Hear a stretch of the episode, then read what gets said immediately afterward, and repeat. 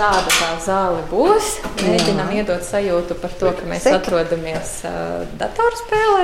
Ar izstādes veidotājām tiekos dienu pirms atklāšanas. Dažas izstādes daļas vēl procesā, taču galvenais paveikts. Nolemjam sarunu sākt pie ieejas izstādē, kur uz dzeltena režģa fona uzraksts Teksts mūs neinteresē.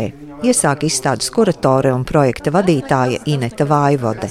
Jā, tik tiešām izstādes nosaukums ir teksts mūs neinteresē, bet tas nebūtu nenozīmē, ka mēs absolūti neesam ieinteresēti grāmatu saturā. Drīzāk tas parāda to, ka izstādes akcents ir pievērsties arī citiem grāmatas elementiem, izcelt grāmatas formu, grāmatu kā materiālu objektu Un, uh, tieši to mēs arī mēģinām parādīt izstādē. Un, protams, tas ir arī katra apmeklētāja uzdevums izstādes apmeklējuma beigās uzdot šo jautājumu sev. Teksts viņu interesē, kā tas ir izstādes apmeklējuma beigās. Dizainere Madara Lesīte Volmane papildina par ekspozīcijas krāsu izvēli. 500 gadus krāsa ir dzeltens, melns un balts. Un mēs atrodamies piektajā stāvā, kas ir dzeltenā krāsa, tāda retumi, varbūt iedzeltējušas lapas, tāds pārnestā nozīme, bet arī cmiks, cmiks sastāv, četrkās drūks sastāv no melna. Zeltaina, mačēnas un ciāna. Un tad mēs izvēlkam tādas divas krāsas, melna un zeltaina, un spēlējamies ar šīm krāsām spēlējamies tālāk, droši vien šim vārdam pievērsīsim vēl kādu papildu uzmanību. Tieši tā, izstādes uzdevums mums bija iedots diezgan atbildīgs, izcelt Rīgas pirmā iespējā Nikolausa Molīna krājumu, bet tajā pašā laikā pieskarties vēl vienam tematam - grāmatas dizains, grāmatas dizaina attīstība un šī ideja par grāmatu kā materiālu objektu. Un tad mēs salikām galvas kopā un domājām, kas ir tas labākais veids, kā šīs varbūt nesavienojamās lietas var apvienot. Tad mums ienāca prātā doma, ka īstenībā iespiedēja darbs un darbs pie grāmatas salikšanas prasa sekot noteiktiem kanoniem, noteikumiem, lai izveidotu teksta salikumu lapusē. Protams, ir jāzina lapas proporcijas, ir jāseko obligāti režģim. Un līdzīgā veidā tika veidotas arī 80. gadu arkādu spēles, tetris, čūska. Mēs droši vien varam atsaukt atmiņā tās vecmodīgās spēļu konsoles, kur arī ir dažādi dažādi režģi. Piemēram, mēs varam iztēloties to čūsku, kas skrien pa spēles perimetru. Tāda ir šīs izstādes vizuālā identitāte. Tā ievada apmeklētāju spēļu pasaulē, grāmatas pasaulē un, un piedāvā apmeklējumam un izpētē šo trīsstūri - cilvēka, tehnoloģijas un grāmatas attīstību. Un mēs esam izvēlējušies divas atskaites punktus. Pirmais atskaites punkts ir Gutenberga prese, tieši 15. gadsimts, kas bija būtisks izrāviens tieši grāmatu veidošanā, grāmatas ražošanā. Un nākamais lielais pavērsiens, protams, mēs nevaram izmest vairāku gadsimtu garu grāmatniecības vēsture, bet ļoti būtiski bija 20. gadsimta 80. gadi. Brīdis, kad parādījās Apple Macintosh dators, kad parādījās arī datorpele un kad uh, rokas salikums tika pārcelts un bija ielikts šajā datora kastītē. Un, ik viens varēja kļūt par šo iespiedēju, par grāmatas dizaineru, par jauno molīnu, kurš uh, veido arī savas grāmatas. Latvijas Nacionālās bibliotēkas Letonikas un Baltijas centra krājuma eksperte Beate Orlova pirms došanās ekspozīcijā ieintriģē. Mans uzdevums šajā izstādē ir bijis saistīts tieši ar molīnu, tieši ar krājuma pētniecību. Ir bijuši arī daudz jaunu atklājumu šajā gada laikā, cik ir strādājis pie izstādes. To iekšā visu varēsim atklāt. Iejot izstāžu zālē, kas veidot kā liels spēļu laukums ekrānā, pirmais, ko ieraugām, ir spēle čūska, kura kādā brīdī pārtop telpiskā objektā. Un tieši šī čūska arī būs tas elements, kas vedīs apmeklētāju cauri izstāžu zālē mierīgā tempā iepazīties ar uh, grāmatniecības vēsturi no papīra pirmsākumiem līdz pat mūsdienām un paskatīties, cik strauji grāmatniecība un grāmatas ražošana uzņem šos te tempus, ka nemitīgi notiek pātrināšanās. Arī tas ir saistīts ar to, cik daudz lapuses mēs varam saražot vienas stundas vai pat dienas laikā no 200 lapusēm stundā, kas tika saražotas Gutenberga preses laikā, līdz uh, 15,000 lapas pušu mūsdienās. Un tas ir, protams, kolosāls izrādījums izrāviens. Titullapa ir uzraksts ekspozīcijā, kam pievēršam uzmanību. Vitrīnā ir stikla 1625. gada Hermaņa Samsona sprediķu grāmata, iespiedēja Nikolausa Molīna izdevums. Beate Orlova izceļ titullapa nozīmi drukātām grāmatām, jo pašas pirmās iespiestās grāmatas 50 gadu periodā bijušas bez titullapas. Grāmatas, kuras bija nodrukātas lielā apjomā, vajadzēja pārdot, vajadzēja piesaistīt lasītāju uzmanību, vajadzēja grāmatu veikalā ātri identificēt, kurš tad eh, šis ir par izdevumu. Līdz ar to arī pakāpeniski radās šīs pirmās lapas, kas iepazīstināja ar izdevumu. Un eh, šis eksponāts, kas mums ir izvēlēts titulapai, ir jau tāds titulapas ļoti pilnīgs attīstības posms. Šī noteikti ir arī Nikolaus Molīna, Rīgas pirmā tipogrāfa, viena no visgraznākajām iespiestajām titulapām. Tā ir viņa vadībā izdotā pēdējā grāmata, neilgi pēc tās viņš mirst un tipogrāfiju pārņem cits, nākamais šī tēmata ieņēmējs, bet Titulapa ir ļoti īpaša, ļoti grāzna līdz ar visu šo grāmatu. Tur ir gan Rīgas panorāma redzama, gan Mārtiņš Luters un apstuļi, tātad uh, reprezentējot Rīgu kā tādu kārtīgu luterisku pilsētu, un arī divkrāsu druka, kas uh, šajā laikā nebūtu nav tik vienkārši tehnika, jo lapa ir jāiespiež divreiz. Uh, vispirms tiek nodrukāts viss, kas ir melnbaltā un pēc tam precīzi jāsliek viss tas pats, lai vēlreiz nodrukātu iekšā to sarkano krāsu. Kā senie laiki savienot ar mūsdienām, ekspozīcijā demonstrē Ineta, atverot durtiņas, kas atrodas zem Molīna greznā izdevuma.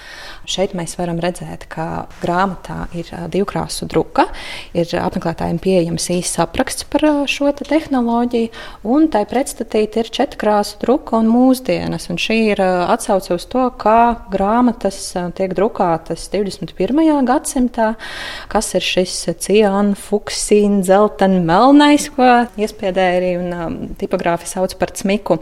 Un apmeklētājiem arī ir iespēja palielinājumā apskatīties, kā tas strādā mūsdienu izdevumos. Bet šis informācijas līmenis ir paslēpts, un tiešām tas ir apmeklētāja pārziņā, ko izvēlēties. Piemēram, šeit mums ir izstādīti divi antīko autoru darbi lielajā izmērā tā ir grāmata, kur tad būtu lietota studiju nolūkiem, pētniecības nolūkiem, uz kārtīga liela bibliotēkas vai darbistabas galda, ko nolikt un atvērt un ar kuru strādāt, kurai arī ir iekšā zinātniskie komentāri lielā apjomā. Un blakus ir maza grāmatiņa, kur ir ar ļoti līdzīgu saturu, bet paredzēta acīm redzam citam nolūkam, vai nu kādam studentam vai ceļotājam paņemt viegli līdzi. Un tā tad ļoti interesanti, kā viens un tas pats saturs var iekļauties ļoti, ļoti dažādās grāmatas formās. Un kur šī grāmata ir iespiesta? Šīs grāmatas ir iespiestas Antverpenē, Jā, un uz Rīgu ir atceļojušas kādā interesantā iespējams. Jā, iespējams, iespējams caur Frankfurti, iespējams kā citādāk. Tas arī ir viens no turpmākajiem pētniecības virzieniem. Kā šīs te Nikolaus Molīns tātad ir pats cēlies no Antverpenes, kur viņš ir strādājis pie tobrīd ļoti ievērojamā tipogrāfa Kristofa Plantēna, kura vadībā tad ir tapušas šīs grāmatas. Un, liels eh, skaits plantēnu izdoto grāmatu ir atceļojis arī uz Latviju. Tad viens no tiem maniem intereses virzieniem turpmākajiem ir saprast, kā tieši viņas ir šeit atnākušas un kā nonākušas arī LMB krājumā. Izstādes ekspozīcijā arī stāsts par pašu Nikolausu Molīnu, Rīgas pirmo tipogrāfu, kurš dzimis Antverpenē, mūsdienu Beļģijas teritorijā. Un es gribētu pievērst uzmanību šiem dokumentiem, kas ir nākuši tieši no muzeja arhīva un ir saistīti ar Niklaus Molīnu. Viens no tiem ir uh, plantēna tipogrāfijas tāda kā rēķinu grāmata, kur ir pierakstīti tipogrāfijas darbiniekiem izmaksātā alga. Uzņēmumā strādā vairāki iespiedēji, kuri strādā pie grāmatas izgatavošanas, un uh, vienu iespiedu presi apkalpo divi tipogrāfi. Tad viens ir tā tāds galvenais, kurš jau ir guvis pieredzi šajā darbā un vada to darbu. Un otrs kā asistents. Un mēs redzam pēc šiem dokumentiem, ka Niklaus Malīns pie plantēna ir strādājis tieši kā asistents. Mēs redzam, ar ko viņš ir strādājis kopā. Piemēram, 1573. gada 23. maijā viņš ir asistējis Hansam Fanlevenam. Šiem te jau pieredzi guvušajiem tipogrāfiem viņš ir asistējis un iepazinis ļoti dažādas grāmatu ražošanas tehnikas, kas šajā ārkārtīgi attīstītajā to brīdi uzņēmumā ir tikušas pielietotas. Mums bija šī iespēja strādāt arī ar Antverpenē esošajiem arhīviem un krājumiem, un uh, ir izdevies identificēt uh, autoru vienam no Molīna tādiem ļoti iemīļotākajiem grāmatu ornamentiem. Tātad viņš savās titulapās un uh, grāmatu iekšlapās veidoja visdažādākos salikumus no šādiem ornamentiem, kas ir 16. gadsimta burtveidolu ornamentu dizainera Roberta Granžona darbs. Mūsdienās varbūt viņš ārpus grāmatniecības vēsturnieku sabiedrības ir mazāk pazīstams, taču savā laikā bijis viens no Eiropā atzītākajiem šī amata meistariem. Un tad Savulaik arī dzīvoja Antverpenē, kur radījis šos ornamentus tieši priekš Kristofa Plantēna, kurš tos izmantoja savās grāmatās. Šeit redzam Plantēna muzeja 19. gadsimtā izdotu katalogu, kur ir uzskaitīti šie ornamenti un burtveidoli, kas ir bijuši viņa tipogrāfijas lietošanā. Un blakus redzam Nikolaus Molīna iespiesta grāmata, kur ir izmantoti tieši šie paši ornamenti. Tātad uzsverot šo gan ideju, gan vizuālās, materiālās kultūras pārnesi no Antverpenes uz Rīgu caur šī viena cilvēka darbību. Spēli turpinās, un dizainere Madara Lesīta Volmane pieved pie gaismas kastes, uz kuras galda spēles elementi. Man kā dizainerai uzdevums ir, kā šo vēsturisko materiālu savienot ar mūsdienām, arī lai kurš apmeklētājs atnākot, viņam ir interesanti un ir dažādi mēdīji pārstāvēt. Tad man bija iespēja spēlēties, kā es saku, kā dizainerei, un izmantot šos granžona elementus un uzlikt uz gaismas kastes un uztaisīt divu līmeņu spēli. Esi tipogrāfs un saliec viņieti apkārt titulapai vai arī kādu elementu mazāku. Šī ir vieglākā spēle daļa lieliem klucīšiem. Ir atļauts aiztikt. Jā, šo visu var darīt, skatīties, kā tas izskatās, piemēram, vienas lapas pusē atvērumā un mēģināt salikt. Vai arī salikt veselu atvērumu ar titulu lapu, ņemt elementiņus ar caurspīdīgiem organiskās stikla gabaliņiem un iztēloties, kāds bija tajā laikā.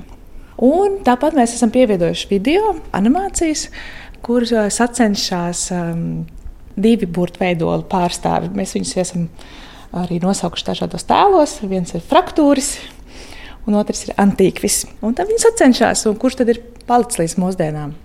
Jā, jo ir latīņu un gotiskie burti.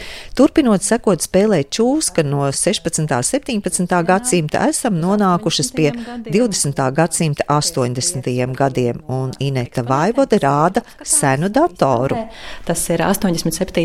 gada ražojuma Apple Macintosh, viens no pirmajiem, kas arī savulaik nonāca Latvijas darba tirgu. Mēs varam iztēloties grāmatu veidotājus, dizainerus. Visticamāk, Latvijā ar nelielu nobīdi tie bija 90. kad meistariem nācās arī pielāgoties šīm izmaiņām un, un apgūt kaut ko jaunu. Un vispār grāmatas ražošana tas ir stāsts par nemitīgu pielāgošanos šīm izmaiņām un par spēju attīstīt savas amata prasmes, nemitīgi tās uzlabot. Un vēl viena būtiska lieta, kas ir izcelta šajā mūsdienu vai pārmaiņu zonā, ir mākslīgā intelekta ienākšana. Teksts bija identisks, un maketēšanā un grāmatas veidošanā sacentās mākslīgais intelekts un Aleksējs Muraško. Un, izstādes apmeklētājiem būs iespēja aplūkot, kurš tad ir uzvarējis šajās sacensībās. Jā, un Aleksēja veidota grāmata arī pārvērtās par noteiktu grafisku spēli, jo tur arī ir tā pievienotā vērtība cilvēkam veidojot grāmatu, cilvēkam saskaroties ar to, ir uh, iespēja tajā pievienot uh, papildus nozīmes, varbūt paslēpt arī kaut ko, to, ko tik viegli lasītājiem arī neizdosies atkost. Un tāpēc uh, Šī Aleksēja veidotā grāmata tā ir savdabīga ekskursija un ceļojums tipogrāfikas un grāmatu dizaina attīstībā no Gutenberga Bībeles laikiem līdz mūsdienām. Noslēgumā izstādes veidotāji apcer grāmatas nākotni un tās veidošanas iespējas. Piedāvājot tādu konceptu kā tumšā rūpnīca, kas paredz grāmatas ražošanu vai kāda cita priekšmeta ražošanu bez cilvēka iejaukšanās. Un tādā interaktīvā zonā apmeklētājiem ir iespēja iespēja aplūkot grāmatas tapšanu mūsdienās, bet tiešām iztēlojoties situāciju, ka cilvēks šajā procesā pēkšņi nav iesaistīts. Un, protams, ka šī savā ziņā ir tāda provokācija. Pilnīgi noteikti mēs nevaram iztēloties grāmatu bez cilvēka, gan tā veidotāja, gan tā lietotāja, lasītāja. Kad izstādes ekspozīcija iepazīta, Inete Vaivode Nacionālās bibliotēkas 5. stāva vestibīlā rāda 16. gadsimta Kristofa Plantēna iespiedu preses kopiju, kas tapusi sadarbībā ar Rīgas valsts tehnikumu.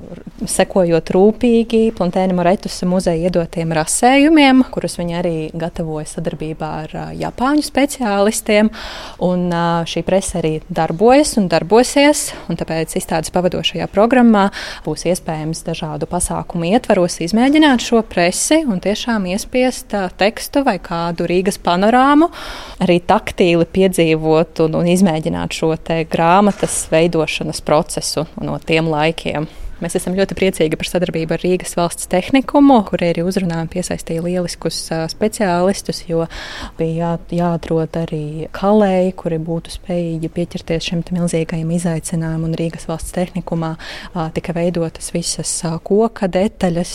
Savukārt sadarbībā ar vairākām tipogrāfijām apmeklētājiem pieejama Latvijas mūsdienu tipogrāfu grāmatu izlase. Grāmatas, ar kurām lepojas. Turklāt tās var pašķirstīt, paturēt rokās, aptaustīt materiālu, jo grāmatas materialitāte ir ļoti būtiska.